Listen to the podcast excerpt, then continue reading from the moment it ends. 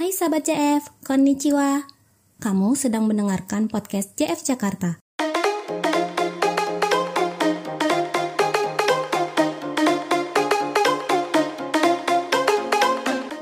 Japan Foundation atau lebih dikenal dengan JF adalah lembaga nirlaba milik pemerintah Jepang yang bergerak dalam bidang pertukaran budaya internasional.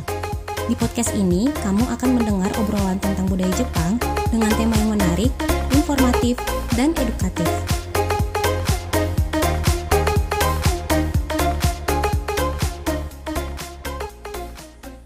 Konnichiwa, halo sahabat jam semua, apa kabar?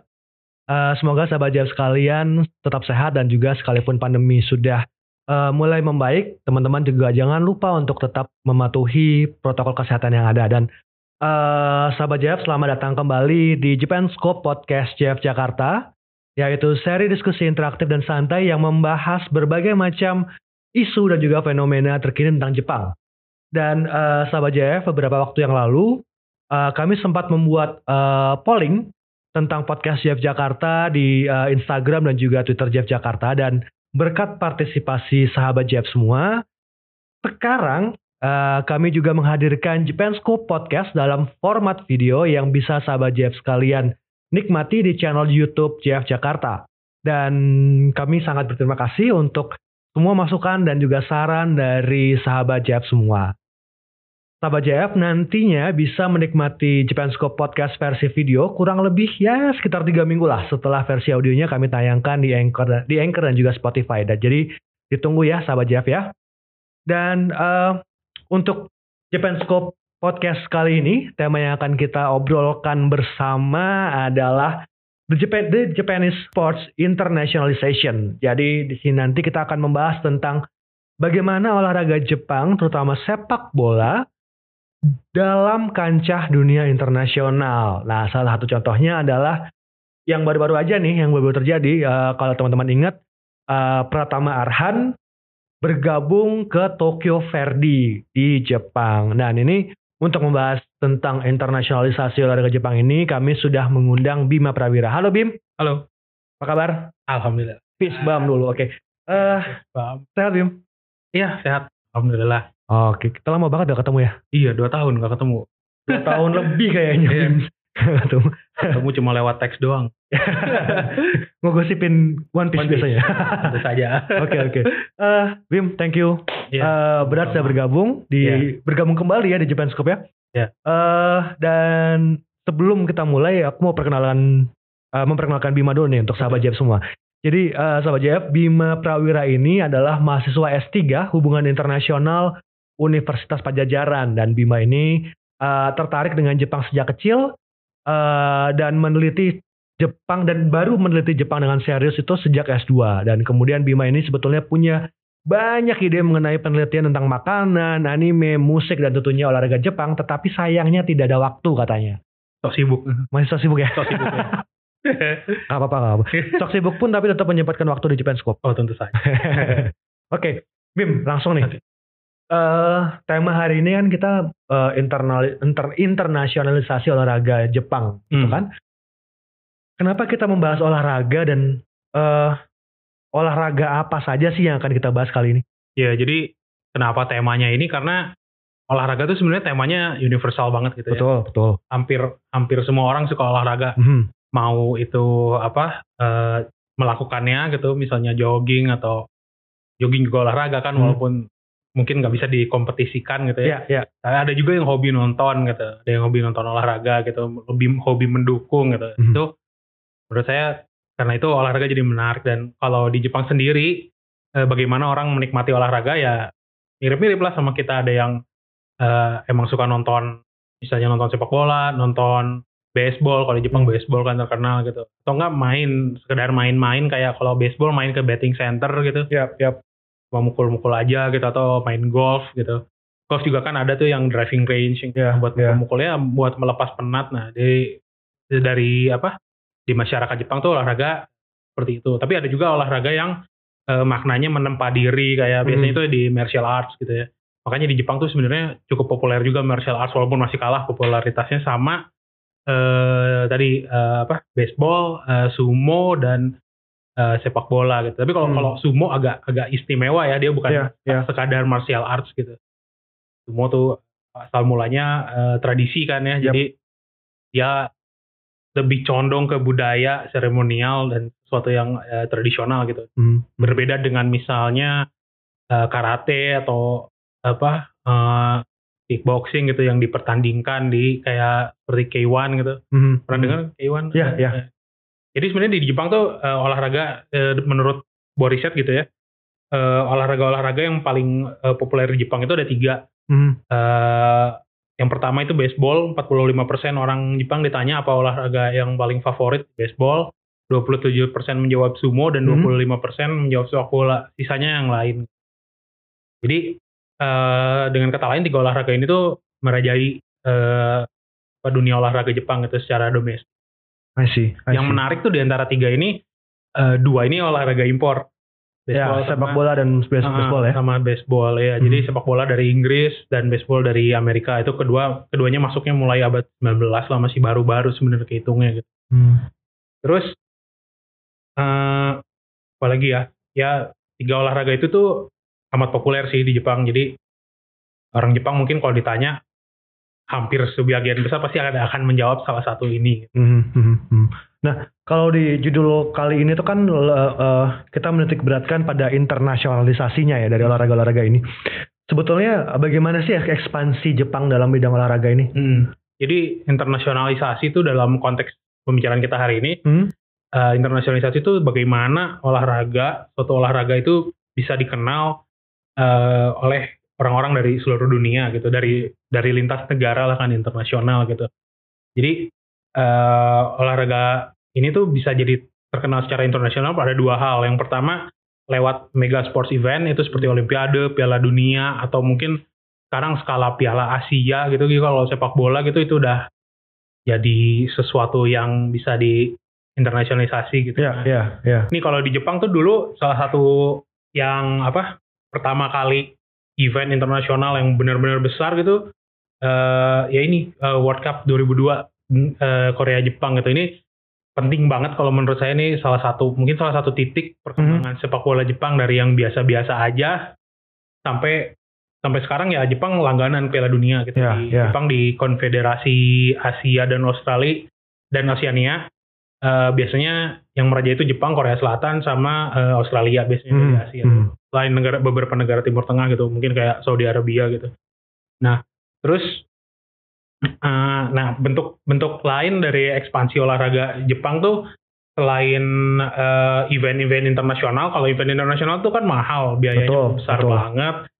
Jepang juga sebenarnya sempat kewalahan Olimpiade Tokyo Ya. ditambah lagi COVID, jadi sebenarnya ada sih alternatif lain untuk menginternasionalisasikan olahraga suatu bangsa itu ya dengan eh, apa atletnya. Atletnya dikirimkan ke luar negeri atau mereka menda- mendatangkan eh, atlet dari luar negeri gitu. Ya seperti contohnya nih salah satu atlet paling populer di Jepang nih Ichiro Suzuki. Dia pemain baseball. Dia main di Seattle Mariners cukup lama. Eh, Ichiro Suzuki ini eh, dalam sebuah polling juga yang di CSR tadi Hmm. ini dia atlet paling populer di Jepang padahal udah udah ber- berumur banget lah gitu. Dia mulai dari tahun berapa dia di, Mar- di Mariners? Wah mungkin kalau nggak salah, kalau nggak salah nih ya masih di awal 2000-an. Oke, oke. Iya. Jadi cukup lama ya. Cukup lama lah, Cukup iya. lama ya. Dia tuh terkenal punya apa? Lem kalau habis dapat bola dia ngelempar ke pemain lawannya bolanya tuh lurus gitu. Oh. Sebutnya tuh laser ball gitu. Oke. Sama kayak laser pointer gitu kan. Terus ada juga eh, Shohei Otani yang sekarang main di eh, Los Angeles. Mhm. dia juga cukup inilah cukup populer dia kalau nggak salah di polling itu juga kedua kalau nggak salah Shohei Otani itu Oke, jadi setelah si Ichiro Suzuki, si. Shohei Ohtani ini ya. jadi di Otani ya jadi dia juga apa eh, apa istilahnya eh, menggambarkan si polling yang sebelumnya yang tentang olahraga baseball tuh olahraga paling favorit ya kesatunya dia juga Shohei Ohtani ini pitcher kan ya?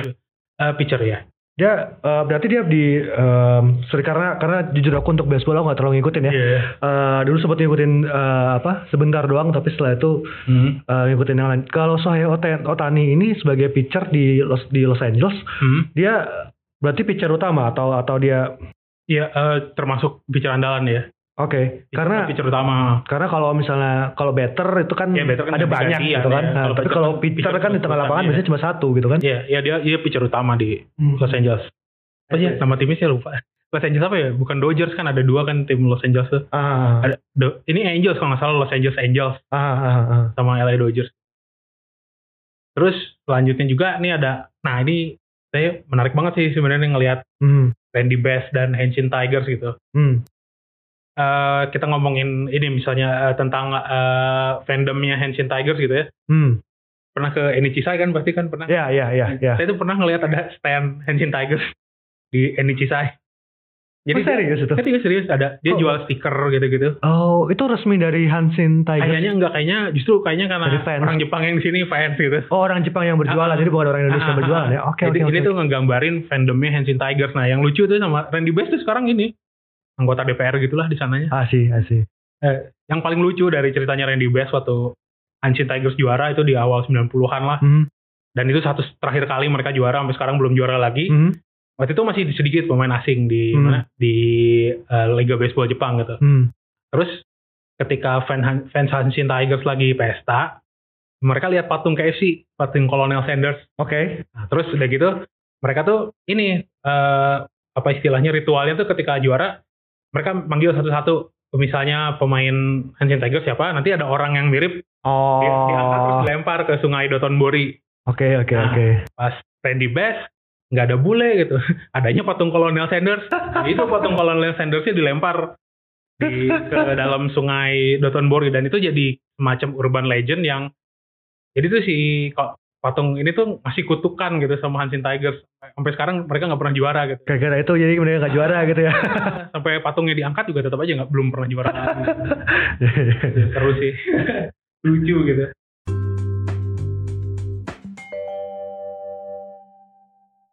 Nah, eh ini selain baseball nih. eh, tadi kan Bima di awal bilang bahwa menurut riset eh, apa tadi namanya?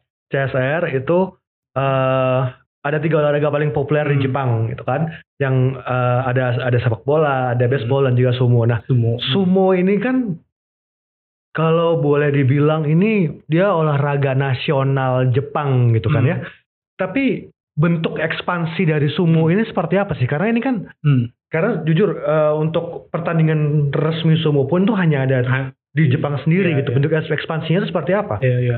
Kalau ekspansinya sih sebenarnya sumo tuh udah kayak kalau saya lihat ya, dia kalau keluar tuh udah hampir kayak pertukaran budaya lah gitu karena Ah, beda banget di oke. sini kan nggak ada sumo ya. Betul. Tapi tahun tahun 2013 eh, pernah tuh Jap- Japanese Sumo Association ke sini ngadain turnamen ya. Hmm. dan hebatnya turnamen itu tuh eh, semua datang sampai Yokozunanya gitu sampai si juara-juaranya waktu itu saya inget banget Yokozunanya tuh Hakuho sama Haruma Fuji waktu Hmm, itu hmm. Hakuho lawan Kishino Sato dan Hakuho-nya kalah waktu itu. Wow, seneng banget ngelihat Yokozuna kalah. Ya, kapan lagi nonton sumo gitu? Kapan lagi nonton Yokozuna-nya kalah gitu kan? Yokozuna kan jarang kalah gitu. Apalagi Hakuho gitu kan jago banget gitu. Waktu di GBK ya? Enggak di Istora, Istora. Oh sorry di Istora ya. Tempat Ah. base yang biasa tempat badminton gitu. Ah, ah. Dan waktu itu tuh entah kenapa eh apa ya namanya security-nya tuh agak loose gitu. Mhm. Jadi kita tuh bisa masuk ke lorong dan kita ketemu sama si pemain-pemain semuanya Oh, tuh wah amazed banget ngeliat pemain-pemain semua gede-gede dan mereka tuh tingginya udah hampir nyampe lorong setinggi lorongnya Istora gitu. Oke oke oke. Gede-gede gitu kan wah Dua meteran. ada yang sampai 2 Ya, meter ya, tuh ya. si Gagamaru namanya orang eh, orang Georgia tapi sekarang udah pensiun. Nah terus yang menarik lagi dari sumo kan tadi ada itu ada orang Georgia tuh ya. Mhm. Jadi sumo tuh Yokozuna-nya kan Yokozuna tuh istilahnya eh, pemain sumo yang paling jago gitu yang jarang kalah lah yang selalu menang turnamen. Hmm. Nah yang menarik tuh dari 5 dari 6 sumo terakhir yang jadi Yokozuna dalam kurun waktu eh, 20 tahun terakhir itu 5 dari 6 orang Mongolia. I see. Ini ya, yang orang Jepangnya tuh cuma Kiseno Sato yang tadi ngalahin Hakuho. ya ya. Sementara yang orang Mongolinya ada Haku, ada Hakuho, terus ini yang tiga terakhir tuh Hakuho, terus ini Haruma Fuji, sama satu lagi namanya ini yang paling baru tuh eh siapa?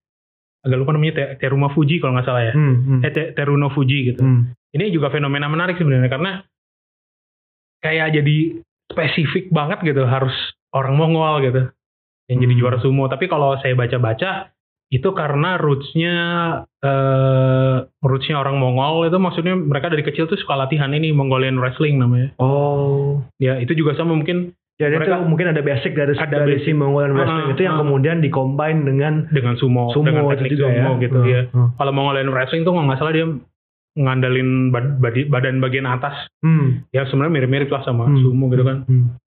Mm-mm. Berarti kalau kalau kita gali tentang sumo ini, ketika kita membicarakan ekspansi, Hmm. ekspansi yang dilakukan eh, dalam sumo ini sebenarnya lebih ke pemainnya me- mengundang pemain Nah, luar dari untuk luar. kemudian masuk ke dalam Jepang dan Iya.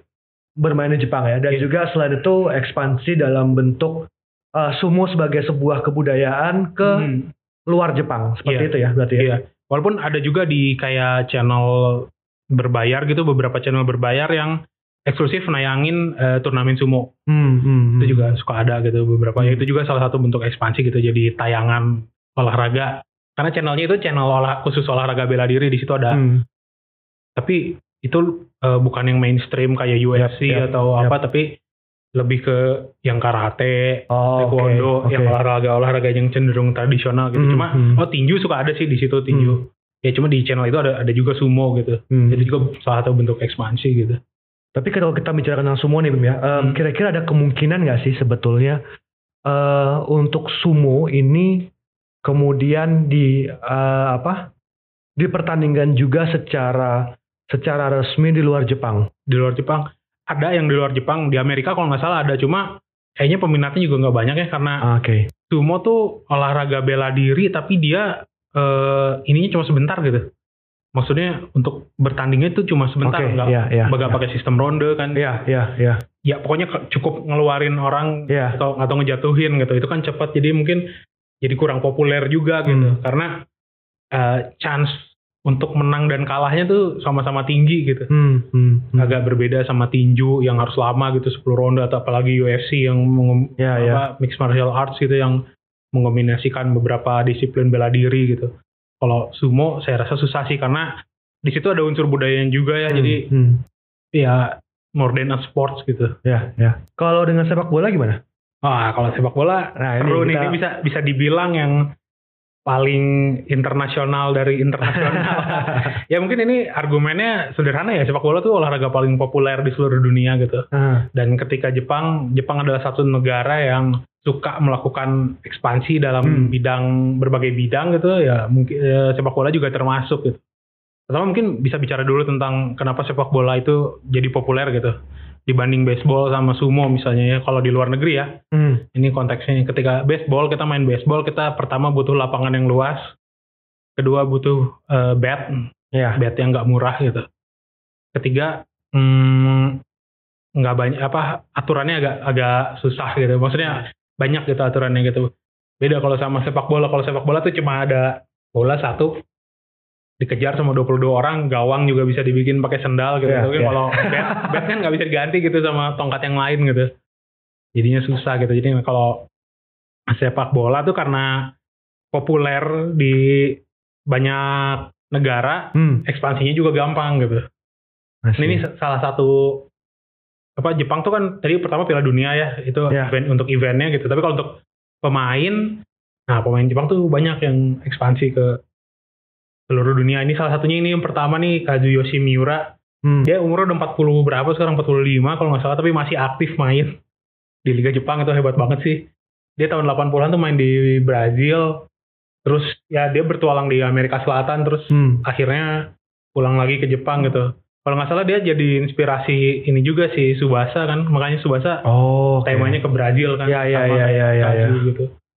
Ini Kazu juga udah 40-an masih seger lah.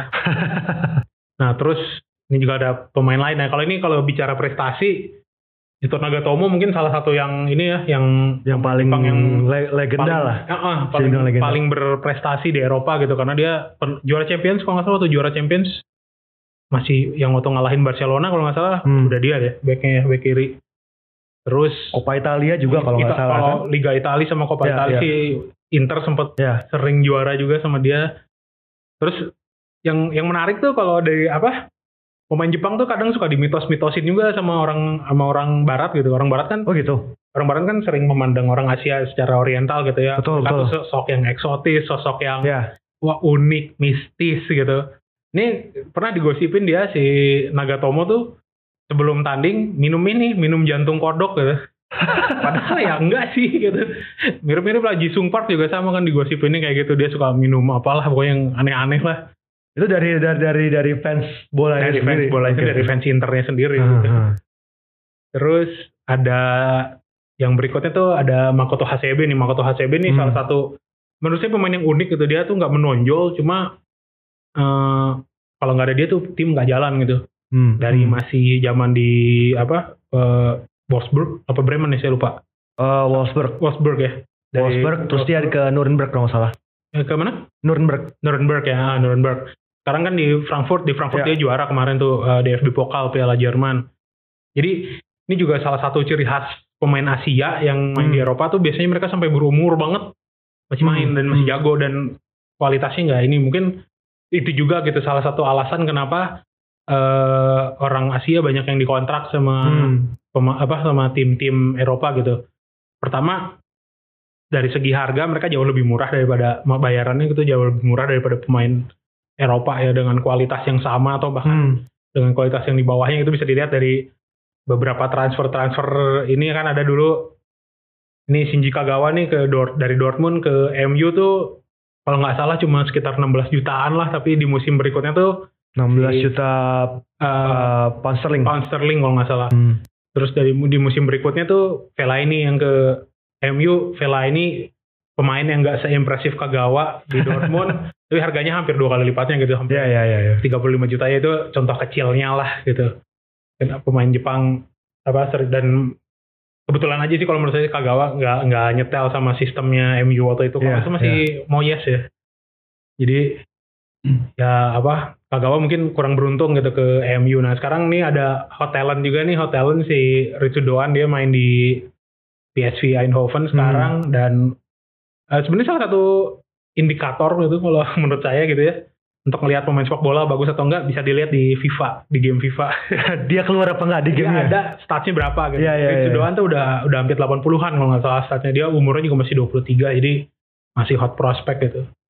Terus next mungkin ini juga ini banyak nih yang tahu lah pasti Hidetoshi Nakata nih yang anak-anak yang kelahiran 90-an awal Ya ya dan pasti tahu. bola lah. pasti tahu sama Nakata gitu karena khas banget gitu satu-satunya pemain Jepang waktu itu yang ada di Italia gitu dan dia bawa AS Roma juara juga Hmm, hmm. ngegolin lawan Juventus tuh Ya, dia, dia Sar. eh, ke Italia sebelum Nagatomo masuk ke Italia. jauh jauh Ya ya. ya mungkin salah satu pionir juga ini di Liga Italia Hmm. sama Anjun Wang dulu tapi dari Korea Oh. Anjun Wang Hmm. yang setelah Piala Dunia dia langsung dipecat sama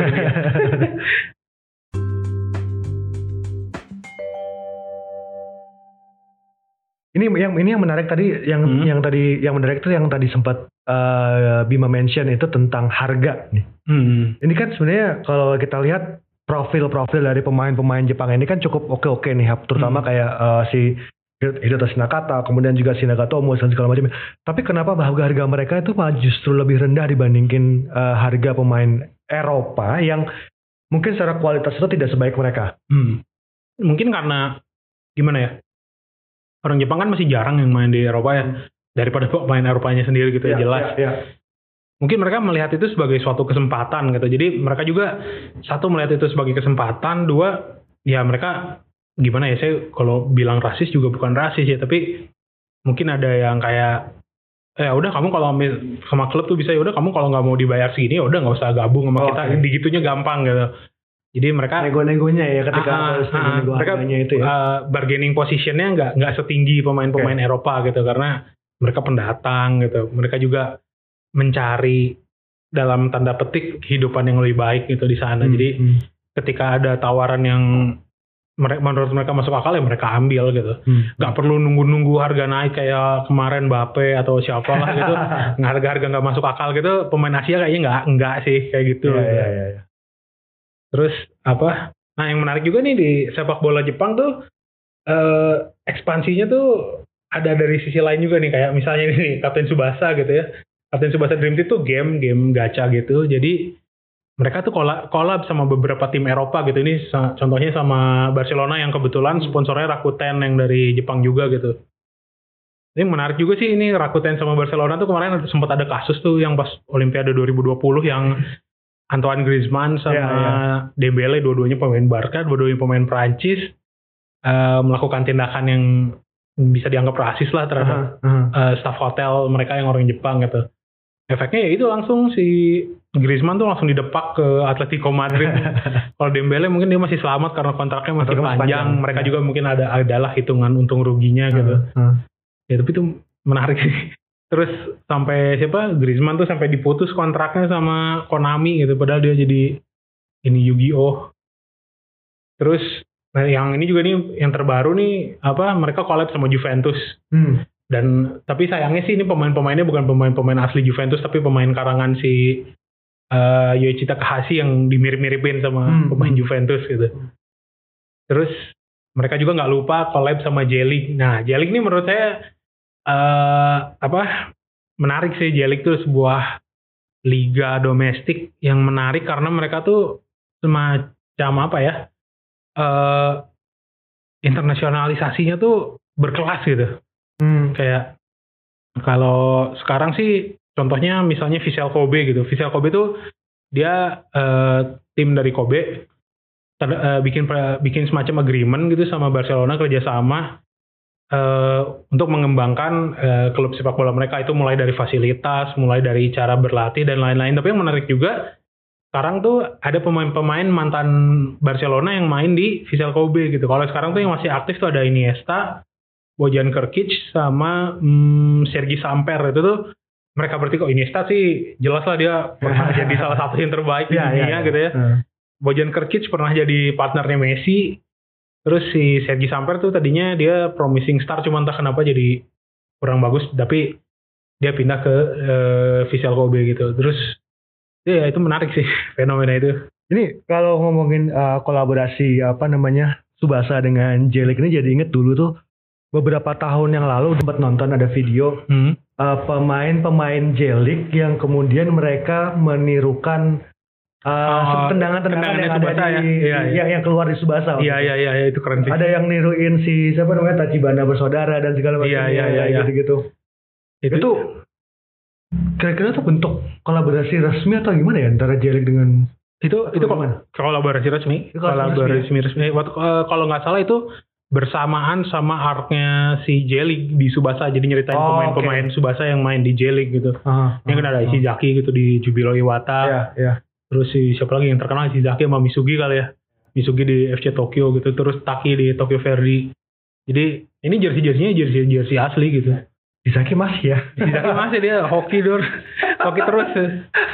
Oke okay, oke. Okay. Nah, terus huh? sekarang Jelik nih yang menarik lagi tuh ngebahas kan tadi udah nih Jelik ekspansi ke Eropa lewat pemain-pemain sekarang sebaliknya ya, Jeliknya ekspansi ke Asia Tenggara lewat berbagai macam sih sebenarnya yang pertama tuh kayak saya waktu kecil tuh tahun 90-an tuh SD kali ya hmm. di TVRI itu ada Jelik ada ada Jelik dan sempat diputar Jelik gitu ya ada uh, live jadi waktu itu di sini kan liga liga sepak bola yang dari luar negeri itu cuma ada Liga Italia, Liga Inggris, Liga Belanda kalau nggak salah Liga sama Liga Spanyol. Liga hmm. Spanyol juga masih ya gitulah ya, susah ya, nontonnya ya. kan jam 2 pagi betul, gitu. Betul, Kalau Jelik tuh mainnya jam-jam pulang sekolah. Jadi sih suka itu live berarti ya yang live, gitu live, live juga iya. ya. Okay. Nah, yang menarik di Jelik ini tuh dulu ada aturan yang nggak ada di liga lain.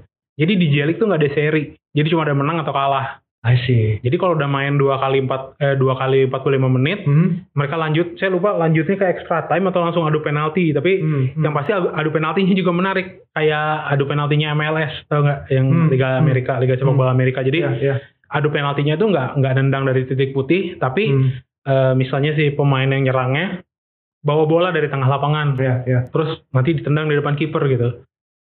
Itu unik sih nggak tahu tuh aturannya dari mana maksudnya resmi nggak sama FIFA-nya gitu tapi aturan itu tuh ada dan itu tuh dikemas di di media massa waktu itu sih kalau nggak salah baca di koran apa ya koran bola atau pikiran rakyat gitu di Bandung koran lokal itu tuh di- dikemas dengan wah ini tuh semangat bushido orang Jepang gitu. Kalau nggak menang ya kalah gitu. Nggak ada seri gitu. Jadi ya menarik juga sih itu cara ngemasnya gitu. Ya Hmm. saya juga nggak tahu latar belakangnya apa gitu ya. Jadi eh dulu tuh di Jelik poinnya kalau nggak tiga ya nol nggak ada satu menarik banget sih. Berarti sampai sekarang ya? Oh, sekarang udah nggak. Sekarang. sekarang udah kayak lain kayak liga-liga lain aja. Hmm, masih. biasa. Tapi terus yang menarik juga nih tahun 2019 Hmm. Jelik juga mulai nyarin lagi nih di Asia Tenggara cuma eh, kali ini lewat channel YouTube channel YouTube mereka YouTube internasional apa Jelik internasional dan itu gratis dan disajikan dengan komentator berbahasa lokal gitu dan mungkin itu hanya ekspansi ke Asia Tenggara aja jadi Termasuk bahasa Indonesia ya? bahasa Indonesia ya termasuk bahasa Indonesia saya pernah eh, ngobrol juga sama salah satu komentatornya ya dia tiba-tiba dikontak sama suatu agensi gitu Hmm. Terus ya itu diajakin siaran untuk jelik bahasa bahasa Indonesia menarik juga sih Hmm, hmm. Eh, berarti itu ditayangkan secara live ya, secara live di kanal YouTube eh, official dari Jelik Internasional. Oke. Iya. itu itu seru sih Dan itu semua pertandingan yang ditampilkan. iya semua pertandingan dan semua pertandingan berkomentator bahasa Indonesia Wow, tuh menarik. menarik kan modal cukup gede tuh pasti untuk ngedatengin kayak gitu Eh, sebetulnya kalau kita ngomongin tentang apa eh, Jelik dan juga em, ketika kita ngomongin Jelik itu sebenarnya di eh, Japan Foundation itu eh, mungkin ini juga informasi juga buat teman-teman ya eh, pernah bekerja sama juga sebenarnya Bim. Sama Jelik dan juga sama JFA eh, Japanese Foot eh, sorry Japan Football Association. Jadi eh, beberapa tahun yang lalu kami sempat berkolaborasi dan salah satu misi JF itu kan memang eh, untuk menjadi jembatan ya antara Jepang dan juga dengan negara-negara eh, sahabat dan eh, salah satu dari inisiatif yang dilakukan pada saat itu adalah eh, dengan menjalin hubungan persahabatan ini dengan negara-negara Asia Tenggara melalui sepak bola Hmm. gitu dan eh, jadi eh, pada saat itu ada program yang namanya Asian Eleven yang mengundang pemain eh, kemudian pelatih dan juga staf liga staf liganya dari negara-negara Asia Asia Tenggara ini untuk ke Jepang untuk mengikuti pelatihan eh, ada yang short term, ada yang long term kayak Hmm. gitu dan selain itu juga sempat ada program eh, coaching klinik. Eh, jadi pada waktu itu Japan Foundation bersama apa JFA dan juga Jelik bekerja sama dengan PSI, PSSI juga di Indonesia eh, mengundang pelatih dan pemain dari FC Tokyo untuk datang ke Indonesia ke kemudian memberikan eh, coaching klinik ke eh, Bayangkara FC di Indonesia. Ha, jadi seperti itu. Itu eh, sekitar tahun 2019. Ini kok- kalau nggak salah juga saya pernah baca eh kan ada nih ahli ahli hukum olahraga di Indonesia namanya Eko Maung. Hmm. Tapi dia dia dulunya boboto Persib maksudnya orang Bandung yang suka Ya, Persib ya. mah hampir pasti tahu lah sama Eko Maung gitu. Si Eko Maung tuh sekarang di Kementerian Hukum dan HAM. Hmm. Dia pernah juga diundang sepertinya ke acara ini sih. Oh, Oke. Ke acara ini. Jadi Ya, dia ya. diundang ke Jepang untuk melihat hukum olahraga di Jepang Ya, seperti apa. ya. Dan ya. tapi sekalian juga dia dikasih tour ke maksudnya kayak ke stadion gitu. Aha, aha. Gimana sih cara bikin stadion ramah anak, ramah perempuan gitu. I see. Kalau kalau di sini mah ke stadion masih rusuh, nggak ada gitu. Tapi itu mungkin ya salah satu tanda suatu negara olahraganya maju, ya olahraga bisa dinikmati oleh siapa pun gitu. Tapi kalau menurut Bima sendiri nih ya, Hmm. eh, fenomena menarik apa yang terjadi di akhir-akhir ini tentang eh, dunia sepak bola Jepang? Hmm. Mungkin salah satu fenomena menarik ini dari tadi ini udah ada gambarnya sih. Ini namanya Teraton Bunmatan, dia eh, back sayapnya Thailand, an- Hmm. andalan banget waktu kemarin Indonesia lawan Thailand apa ya kita kalah di final tuh, Ya, ya. waktu kalah di final tuh mainnya impresif banget. Nah, dia nih sama satu lagi si Canatip, ya Canatip juga lebih jago lagi.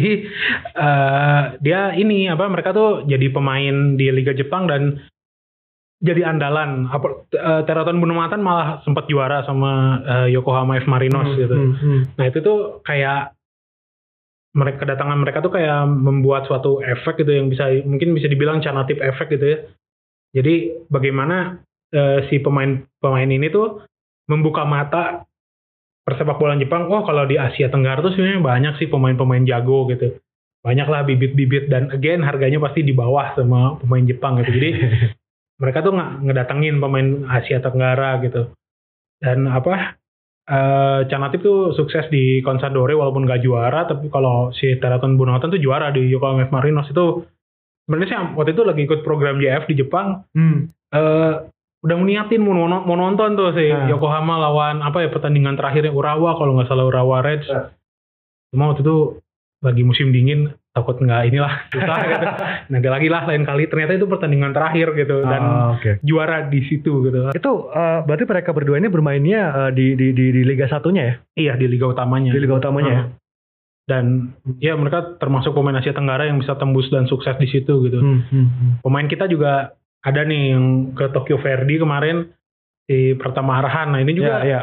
sebenarnya ini menarik sangat sangat sangat menarik menurut saya karena sekarang di Liga Jepang kasta keduanya di J2 itu ada aturan bahwa pemain Asia beberapa negara gitu yang menjadi negara sahabat ya negara sahabatnya J League istilahnya Hmm.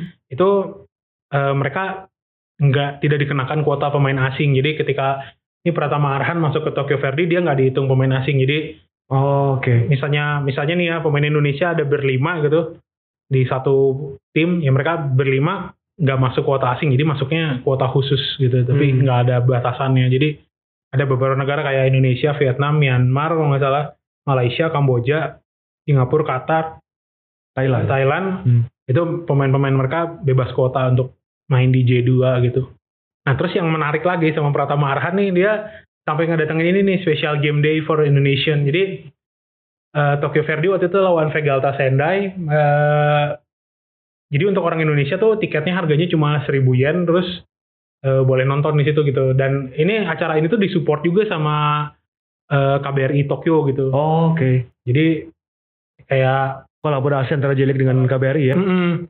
Karena apa ya harus diakui gitu ya kedatangannya si Pratama Arhan tuh menimbulkan exposure yang sangat-sangat besar untuk Tokyo Verde gitu. Hmm. Mungkin orang-orang Indonesia sebelumnya nggak ada yang tahu, jarang lah yang tahu Tokyo Verde gitu. Ya, ya. Eh, Tokyo Verde itu namanya Yomiuri FC kalau nggak salah ya. Kalau yang suka baca komik bola mungkin ada beberapa kali ketemu gitu ya sama Yomiuri Yomiuri tapi karena namanya Tokyo Verde dan Tokyo Verde ini waktu pertama kali dat pertama kali Arhan datang eh, follower Instagram itu cuma 36 ribu. Hmm. Arhan datang 12 jam kemudian 176 ribu. Sa- Salah satunya saya gitu.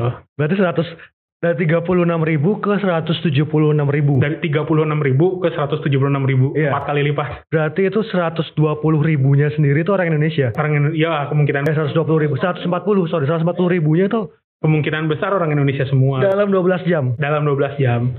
Nah sekarang udah 4, 4 bulan si Arhan gabung jadi 470 ribu. Oh wow. Udah berapa kali lipatnya itu nggak tahu tuh, tuh apa dan itu tuh Arhan belum main sama sekali gitu. Hmm. Belum main secara ini ya, secara Cara debut, Debut dia, ya. dia belum debut di pertandingan resmi dan tapi kita semua juga pasti nunggu lah Arhan kayak apa nanti karena di timnas dia eksplosif banget gitu. Terus fenomena ini juga terjadi di Korea Selatan nih sama Asnawi Mangku Alam gitu. Hmm, hmm, hmm. Nah, sekarang ada fenomena lagi, tapi sekarang fenomenanya di Indonesia ini sama-sama menarik. Kalau di Jepang ada Arhan Effect, di Indonesia ada Marukawa Effect. Nah, Hmm. ini mungkin yang nonton Liga Indonesia ya, pasti tahu lah ya Taisei Marukawa gimana dia ya, ya. kalau udah bawa bola di sepertiga depan tuh udah ah, kalau bukan fans Persebaya mah tutup mata aja. gitu. Jago banget dan dia eh, mengemas sekitar 17 gol sama 10 assist dalam satu musim gitu. Begitu kontraknya habis sama Persebaya pun langsung itu nggak pakai babi bu langsung dikontrak sama PSIS. Hari ini liga selesai, besoknya dikontrak sama PSIS. itu luar biasa itu. sama apa?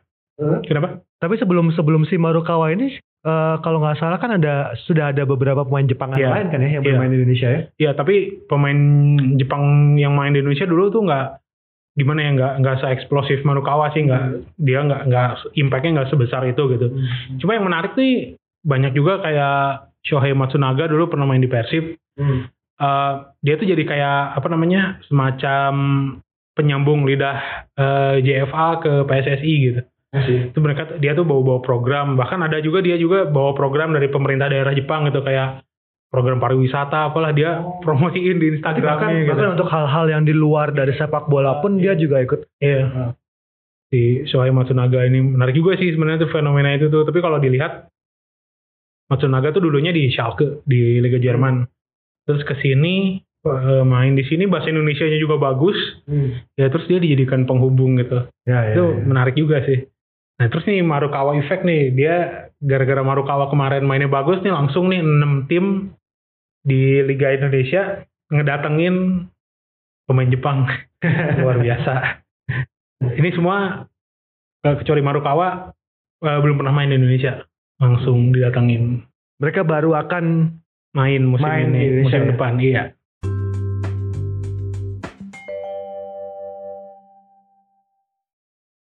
Nah, ini eh kalau dari sisi apa namanya eh harga sendiri, ini gimana nih? Harga pemain Jepang ketika mereka masuk ke Indonesia?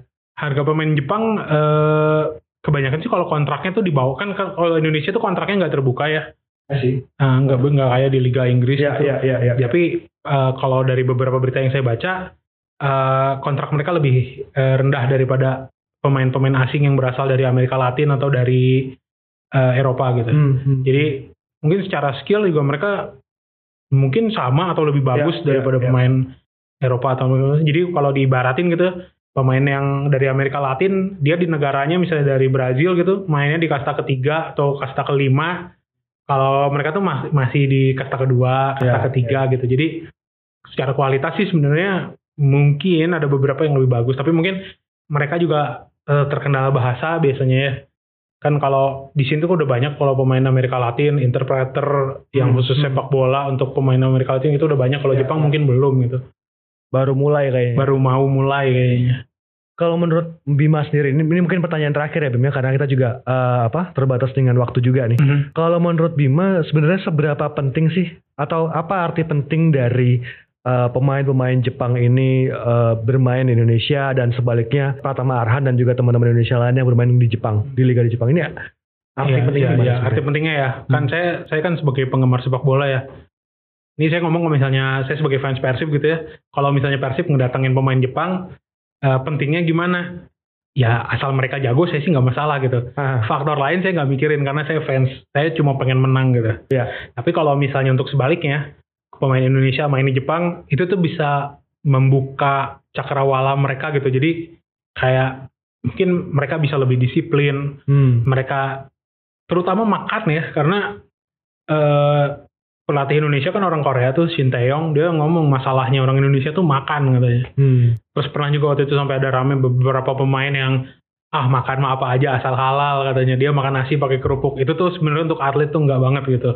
Nah eh, hal-hal yang kayak gitu tuh bisa bisa di ditempa lah di luar Hmm, gitu di hmm, Jepang hmm. apalagi ya di Jepang tuh mungkin mungkin di level J2 juga udah per pemain per pemain tuh dikasih nutrisinya hmm. harus segini ininya harus Ya, ya. gimana karena ya itu salah satu keluhannya Sintayong tuh ya ini orang apa pemain Indonesia tuh masalahnya makanan jadi nutrisi mereka nggak terpenuhi gitu yang nutrisi baiknya nggak terpenuhi nutrisi yang nggak baiknya kebanyakan gitu Hmm, hmm, hmm.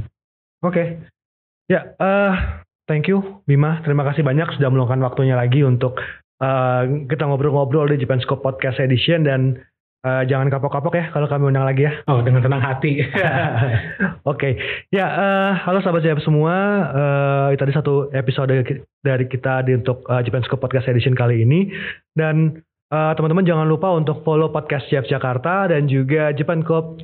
Saya ingatkan lagi Japan Scope Podcast versi video juga akan segera bisa teman-teman nikmati semuanya dan teman-teman bisa mengikuti semua informasi paling update tentang program-program JF Jakarta di Instagram dan juga Twitter at dan juga Facebook page The Japan Foundation Jakarta. Sampai jumpa di episode selanjutnya. Bye-bye. Bye.